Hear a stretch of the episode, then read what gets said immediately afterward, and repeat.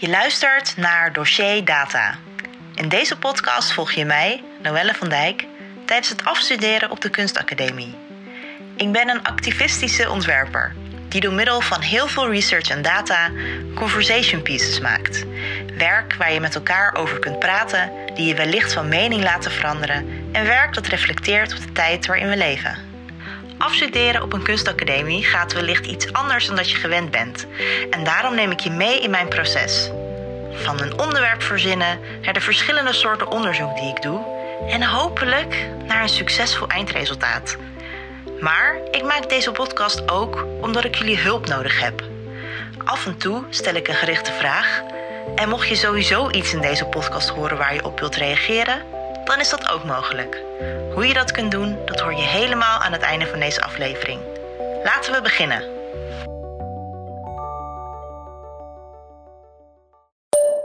Maandag 9 maart, 12 uur 34.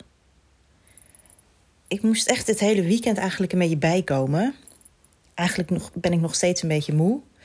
Maar afgelopen donderdag was zo'n lange dag.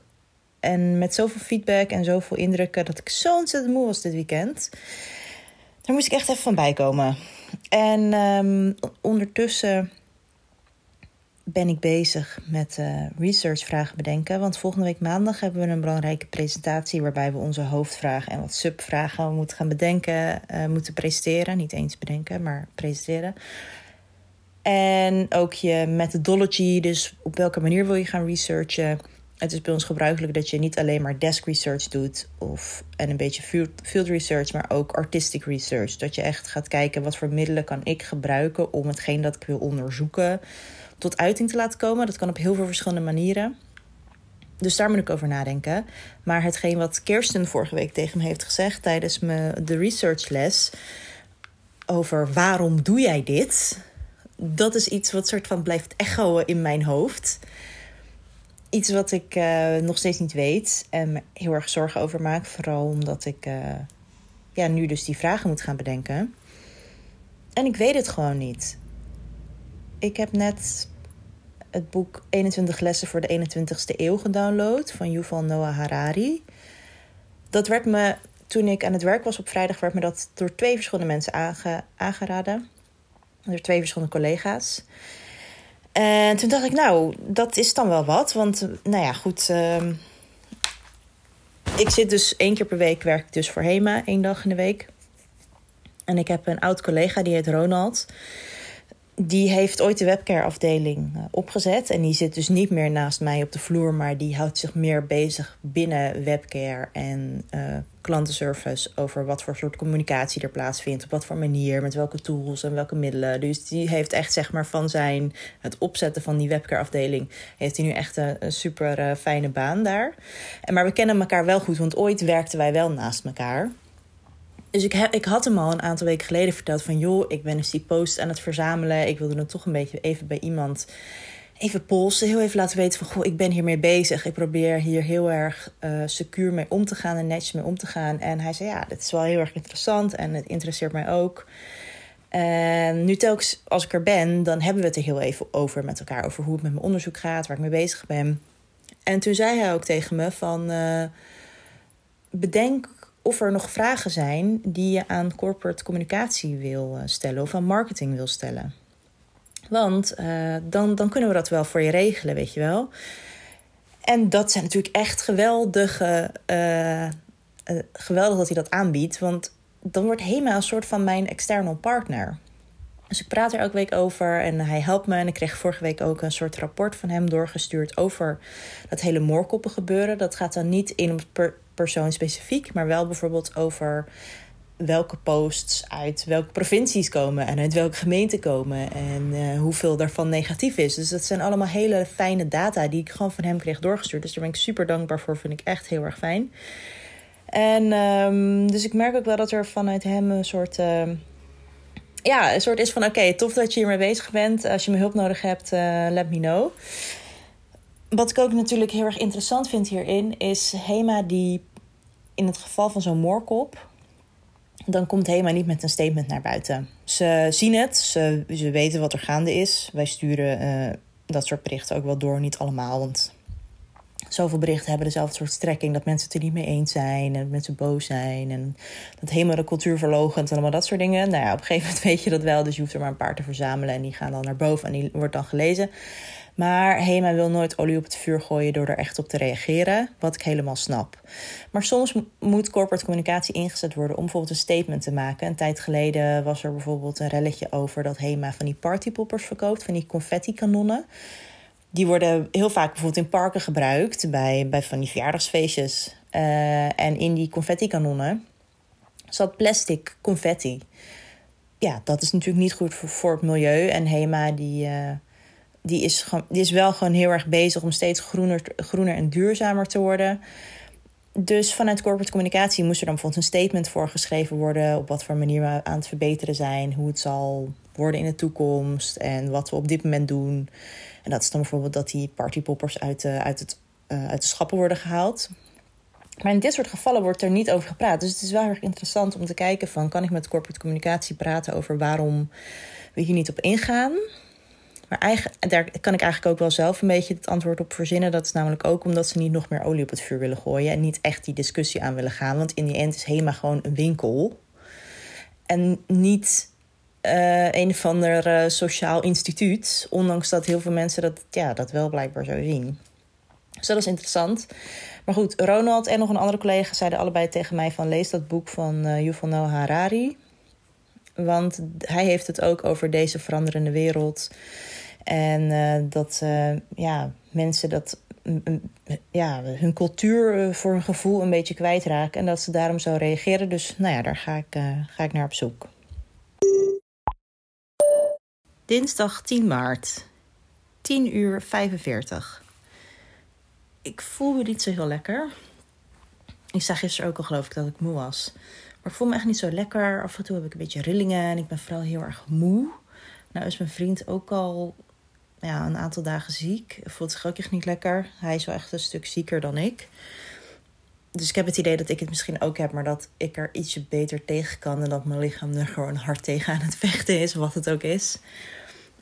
Dus ja, ik doe het rustig aan. Maar kan, eigenlijk heb ik zoiets van: laat me allemaal met rust. Ik wil gewoon lekker, lekker een beetje hangen en niks doen. Ik vind niet dat ik dat kan doen. Want wat Kirsten tegen me heeft gezegd: waarom doe je dit?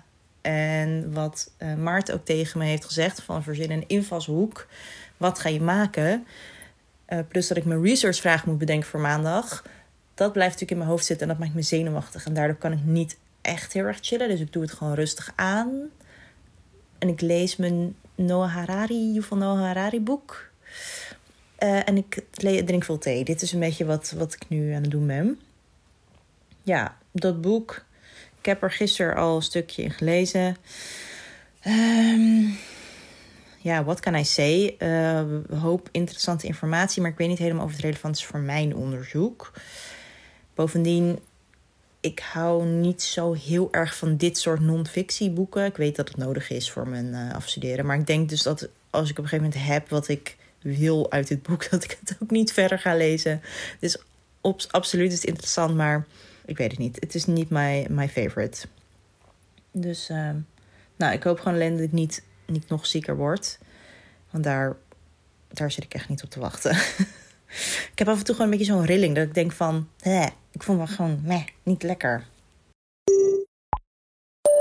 Donderdag 12 maart. 23 uur 8. Vandaag was zo'n ontzettend rare dag. Ik was aan het werk bij Hema natuurlijk. En om, uh, wat was het, drie uur, was er een persconferentie over het coronavirus. En die heb ik stiekem gekeken onder mijn werk. Want ja, ik wil natuurlijk weten wat er gaande is. Het is allemaal al best wel eng en spannend de afgelopen tijd met ziekenhuisopnames en dergelijke.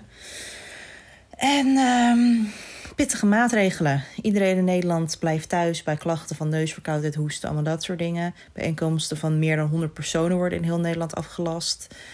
Uh, zoveel mogelijk thuiswerken. Kwetsbare personen moeten groepen, gezelschappen, openbaar vervoer mijden. Um, en ja, ook hogescholen en universiteiten, die wordt gevraagd om online onderwijs aan te bieden. In het geval in plaats van grootschalige colleges. En ja, Op dit moment blijven de scholen nog wel gewoon open. Maar er zijn wel heel veel maatregelen en het is gewoon super eng. En toen kreeg ik net. Ik kreeg, ja, ik heb vandaag denk ik twee verschillende mails van school gehad. En de afgelopen dagen ook wel over het coronavirus. Maar deze is echt pittig. Ik maak me echt pittige zorgen.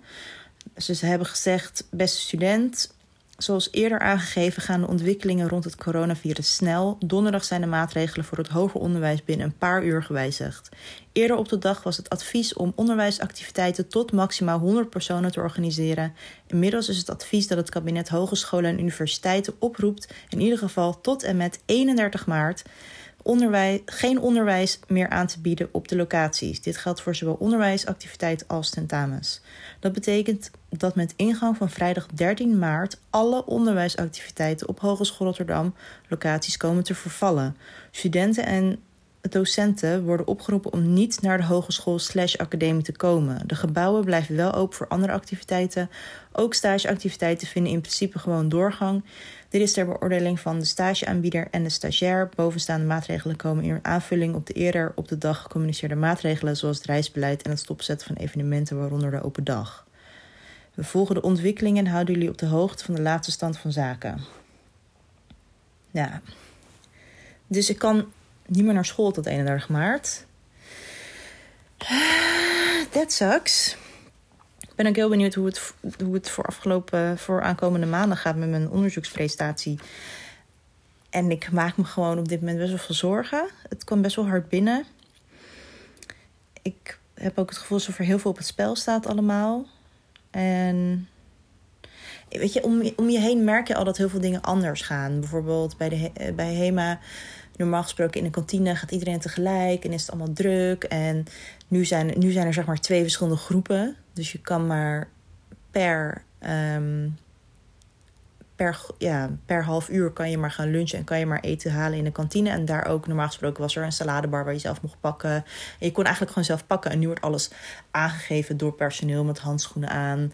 En uh, alles is voorverpakt en alles zit in plastic. En alles om zoveel mogelijk besmetting te voorkomen. Het, het bestek wordt aangegeven door een bepaald persoon. Dan kan je niet meer uit een bestekbak pakken. Dat soort dingen merk je er nu allemaal aan.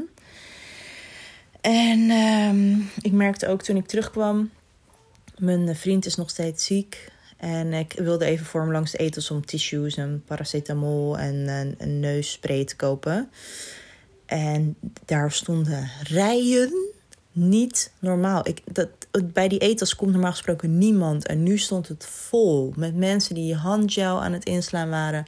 Halve neusprayschap was leeg. Ik wilde ook een thermometer voor hem kopen. Um, maar dat ging gewoon niet, want het was gewoon allemaal uitverkocht. Het was er gewoon allemaal niet meer.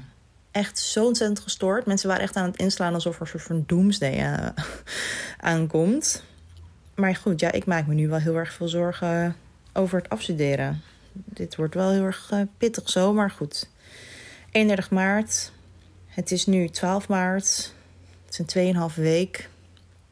Dat zouden we moeten kunnen overleven. Maar ja. Ja, dan zouden we wel heel makkelijk door de corona heen komen. Ik weet niet of dat heel erg realistisch is. Vrijdag 13 maart, 12 uur 17. Ik heb echt net een halve minuut geleden een mail gekregen van mijn docenten over hoe we de presentaties van aankomende maanden gaan oplossen. Want dit is natuurlijk best wel een issue nu we niet naar school mogen, moeten komen. Uh, en die presentatie was oprecht gewoon heel erg belangrijk. Het is echt het begin van je, van je echte uh, onderzoek voor het afstuderen. Dus die, die presentatie moet er gewoon zijn. Dus ik ben blij dat die doorgaat. Maar ze hebben gemaild: Dear students, Oliver and I decided to change the research presentation for next Monday into the following format. 1. Physical presentations at WDKA will be cancelled. 2. We will keep the schedule and speak to everybody through Skype. Three, everybody will send in their research presentation at latest Sunday evening to all the data design teachers. Four, make sure you also add more text than usual that we can see your presentation and understand your slides. Also add your Skype name. Five, Monday from four uh, from two o'clock, we will start the Skype conversations between student me and Oliver one at a time, just like the schedule Six, the student will be able to introduce or explain the research PDF if necessary. After that, we will discuss and give the student feedback. No other students will have to be present at the Skype call. I understand it's not the ideal situation, but this way everything can more or less happen as we planned. Everybody take care and speak to you next Monday. Best Jeroen. Dus dat is wel heel erg fijn dat ze dat meteen gaan oplossen. En meteen nu, de dag erna, meteen met een oplossing komen. Daar ben ik echt heel erg blij mee. Maar ik heb mijn problemen waarvan ik de hele tijd over heb, heb ik nog steeds niet opgelost. Dus alles bij elkaar maakt me best wel een beetje gestrest. Dankjewel voor het luisteren naar deze podcast. Mocht je mee willen praten over een van de besproken onderwerpen, dan helpt mij dat ontzettend voor mijn afstuderen. Dus ik hoor heel erg graag van je. Maar ook wanneer je een ander goed idee hebt, een artikel of een boek dat je met me wilt delen, of wanneer je me heel veel succes wilt wensen, je me kunstwerken aan wilt bevelen of gewoon even je ei kwijt moet, dan kan dat. Je kunt me namelijk via een speciaal telefoonnummer op WhatsApp bereiken. Stuur me een audio-appje of een normaal appje via het nummer 06 19 40 8277. Of je kunt me mailen via podcast.noellevandijk.nl. Vergeet er niet bij te vermelden welke aflevering je net hebt geluisterd. En let op, je bericht wordt dan mogelijk gebruikt in deze podcast. Mocht je benieuwd zijn naar wat voor soort werk ik maak, dan kun je een deel van mijn werk vinden op noellevandijk.nl. En ook niet geheel onbelangrijk, vergeet me niet te volgen op Instagram, Noelle Tot de volgende keer!